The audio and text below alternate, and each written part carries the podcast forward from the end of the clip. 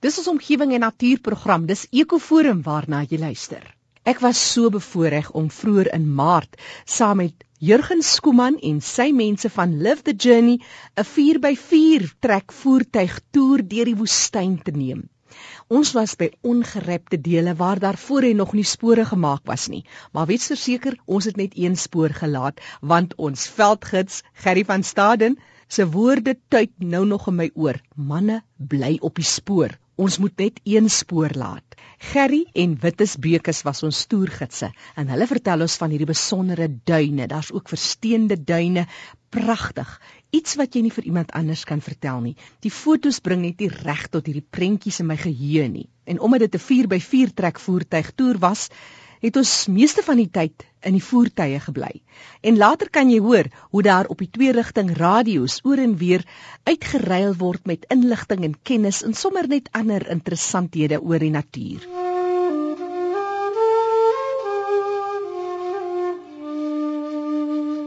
Die voël sit boom met 'n groot deurmekaar kroon. Dis egter 'n klein boom met takke wat laag onder uit die stam vertak en deurmekaar groei.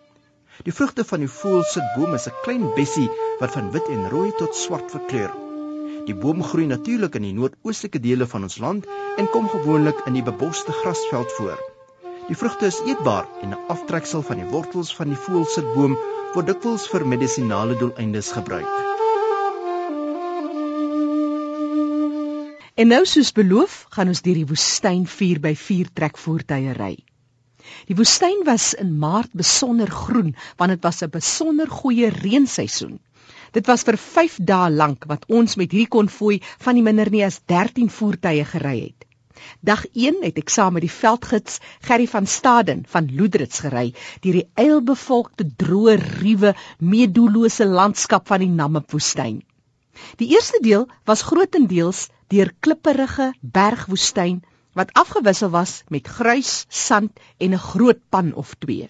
Gerry is aan die woord, dis op die twee rigting radio. Terwyl ons ry, vertel hy ons meer oor die woestyn. Die Namma woestyn gedeelte is maar 35000 vierkante kilometer. Die die Namma duine gedeelte. So dit kom van die Namma woord af, uh big nothing beteken dit. Hulle reken hierdie woestyn is so tussen 80 en 110 miljoen jaar oud dis 'n redelike ou woestyn wat ons hier sou oor kan ry. Ja, dit het maar ontstaan toe die Gondwana River in mekaar het gebreek word en die kontinente geskuif het toe hierdie hele area die woestyn maar begin met die koue seestroom wat hier die Weskus deurvloei. Dit het veroorsaak dat die reënval minder geraak het. Oh, moeilikheid spring ook af voor. Ek wil net sê, ek dink nie die mense weet hoe mooi is 'n donderstorm in hierdie woestyn nie. Ons was bevoorreg op Saddle Hills in 'n donderstorm te sit. Dat dit weerlig en blits in die reënboog. Dis iets om te sien.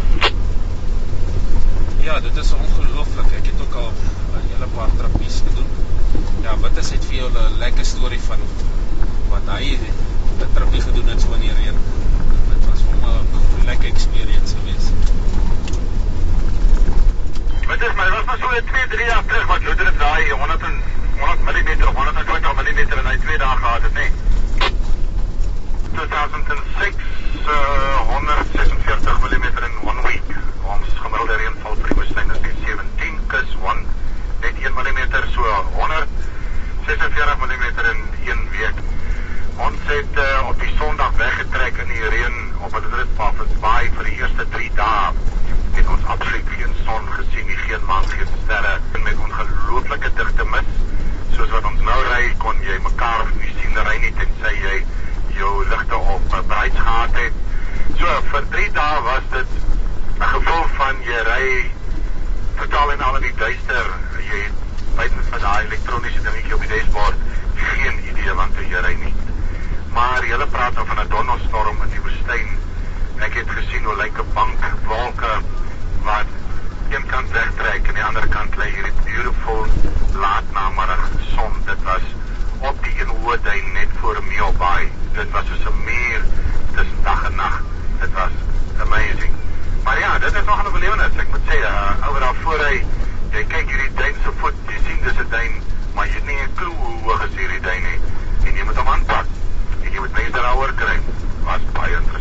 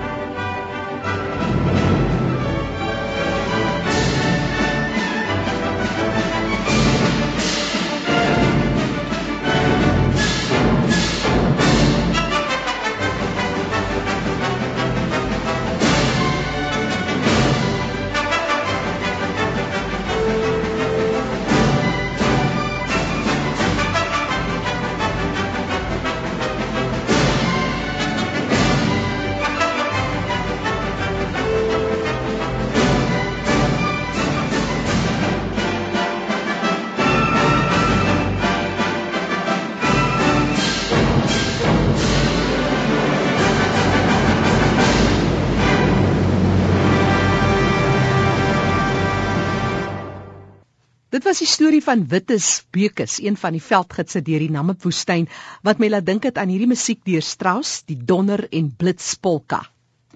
Wittes en Gerry van Staden was ons veldgidse en is Gerry wat ons meer vertel oor die besondere duine van die woestyn.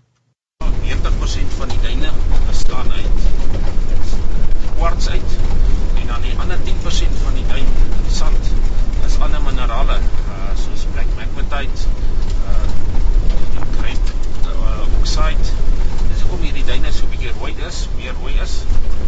Die rooi ysteroksied wat daar weer is, maak hom bietjie meer rooier. Ehm uh, dieper ons gaan, hoe minder uh, rooi raak dit is bietjie meer na wat se kant toe. So jy kry dis waar hy dit dink besand is aan gedeelte. Ja, dan kry ons uh sewe tipes duine. Jy kry uh, lineêre duine stadions ehm uh, mockteams besaan. So hulle is 'n hele paar van hulle wat ons sou kry. So dit is nogals 'n uh, groot verskeidenheid. Uh, in die here die duine kry ons daar in die duinstrate, dis daai duine wat so reguit afloop. Sterduine, ehm uh, jy sê baie hier by ehm uh, soos ons vlei gedeelte, dis as die wind van verskillende rigtings afkom, maak dit so sterk. Die effek. Ferry? Yes, iemand? Wat se tipe roofdiere kan 'n mens verwag om hier te sien? Ja, die diere wat ons meeste maar hier kry is jakkalse, uh teen die kus, as jy slandwolf. Uh, maar baie rare spesies. Daar uh, reken daar is maar so van 40 van hulle oor teen die kus gedeelte. Dis die bruina hyena wat jy wat ons noem. Dan kry ons die Cape Fox, daar waar ons vanaand gaan slaap, het ek er 'n paar keer gekry wat hulle daar tot by ons kom. Uh, dit is alvas mooi om die Cape Fox daar te sien. Ja, dit is maar die roofdiere wat hier rondbeweeg. Slange, uh sidewinders, is dit en die horingadder kom hier voor. En dan het die uh skorpioene, parabotas kom ook hier voor. Uh Gerry, vertel my gou van hierdie bossies wat so knus teen die duine hang. Ja, kyk hierso die duine wat ons hier sien, is die kom ons die Narrabos. Uh maar hy kom maar hier voor, baie by die duinstrate. Dit is uh, sy wortelstelsel gaan verskriklik diep onder die grond in om water op te vang. Uh, dis hy tot 40 meter. Dan het hy 'n vrug wat hy gee sekere tyd van die jaar wat die diere eet wat baie ryk is aan proteïene. So uh, dis hoe hy wat hier voor. En dis ook hulle vorm van water. Dis hulle vorm van water wat hulle neem. Gerry Gomen? Yes, Emma. Is hier nog ehm um, Boesmans hier in die name woestyn wat ek wil amper sê tradisioneel leef en so aan. Uh, negatief. Ja, hulle kom glad nie meer hier voor nie. Uh meeste van hulle is daar in Botswana, die ooste kant van Namibië wat hulle voorkom. Maar daar is maar min van hulle wat in die tradisionele manier lewe.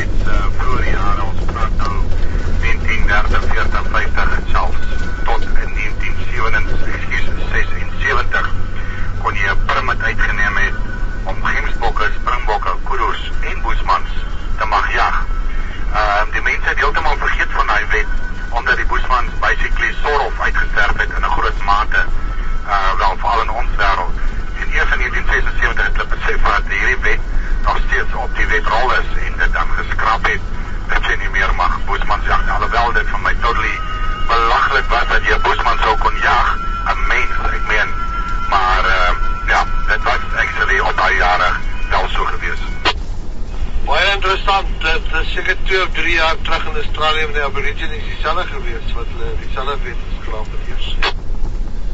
Ek het uh, so verstaan ja. Net vir interessantheid, ehm um, die werklike opregte boesman soos wat 'n boesman gelyk het bestaan nie meer nie. Ehm um, daai mense het hier in die 1900s basies nie uitgesterf nie. Hulle het begin meng met die strandlopers wat vandag die topnaas genoem word. Uh baie van hulle bly in die Kwese rivier en dan ook by Sesfontein en dan het ook van hulle met die Namas begin meng. Dit is hulle wat dan nou Gobabas en in Botswana se wêreld bly. Ja, soos julle kan sien, die spore daarso, as jy uit die spoor uitry, daai spoor bly vir ewig daarso. Jy sien 'n paar spore wat daar lê, baie ou spore. Daai kant is. So dit is kom ons bly maar aan een spoor. Dit is glad nie mooi om so oppervlaktes te hê nie. Ja, die Bosmans het uh, die sandlopers het tussen 6 en 800 jaar terug gelewe hier in die kus. Uh, in 1934 het hulle die Bosman naam verander na die San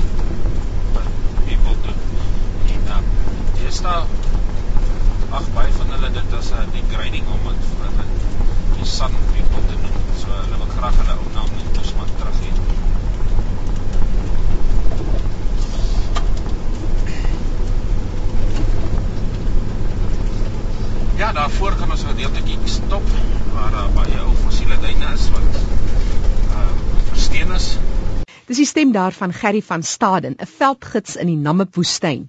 Ek was vroeër in Maart saam met Jurgen Skooman en sy mense van Live the Journey deur die woestyn op 'n 5 dae reis. Dis toe ons gaan staan het wat ek vinnig vir Wittes bekes nader getrek het om my meer te vertel oor hierdie versteende duine. Die versteende duine wat ons hierso kry Jackie, dit is ehm um, ons sandsiklus is nie net die ene wat ons vandag voor ons sien nie. Hierdie is maar 'n jong siklus. Hy is maar so omtrent tussen 4 en 5 miljoen jaar oud. Ehm um, die Namib woestyn het deur verskillende fases gegaan en voor hierdie duine was daar ook duine wat op duinsand wat dan op dieselfde manier ingekom het as wat dit vandag gebeur het. En ehm um, hierdie duine het in, gaan lê basies in 'n nat tydperk ingegaan. Ehm um, het basies 'n vaste formasie gevorm en uh, nuwe duine het oorbeweeg en met drukking uh, hitte en al hierdie goed het hierdie basies uh, gefossiliseerde duine geraak. Hulle het versteend geraak. Uh, ons het nou so 'n klein bietjie daarvan gesien hier hoor op uh, sien daar aan die kant uh, soos ons vlei gaan daar by Namaprand. Daar lê massive groot duine van hierdie uh, versteende duine. Dit's actually nog 'n uh, baie mooi gesig om om om hierdie duine te gaan besigtig. Hy is vandag wel lyk ek meer na klip as na sand, maar Hulle sê dit is sand, so ons aanvaar ook maar dit sal sand wees. Jy sien dat diertjies en goedjies en veral so in die duinstrate, as ek seker. Ons staan nou vanaand hier en ons is hier by Bushman's Paradise. Wil jy nie vir my vertel van skerpioene? Ja, daar's 1500 spesies skerpioene in die wêreld waarvan ehm um, 54 van hulle in Namibië voorkom. So ehm um, paraboot is nou die giftige ene wat ons hierso kry is relatief klein, maar dit lyk so uh, groenerig van kleur. En as jy hom onder UV light sit, dan dan gloei hy. Ehm um, hy is baie fosforus, mm. so dit is nogals mooi om hom te sien in die nag, veral as jy met lig op hom het. So dis die oudjies wat maar hier voorkom. Gerry van Staden en Wittes Bekes, ons veldgidse deur die Namibwoestyn. Op 'n volgende keer vertel ek jou meer want daar's nog baie stories oor die besondere natuurerfenis die woestyn. Onthou jy kan ook kontak maak met Jurgen Skooman van Live the Journey. Gemaak 'n draai op hulle webtuiste by www.livethejourney.co.za of skakel hulle, dis 'n Kaapstadse kode 021 912 4090. Hier kom hy weer 021 912 4090.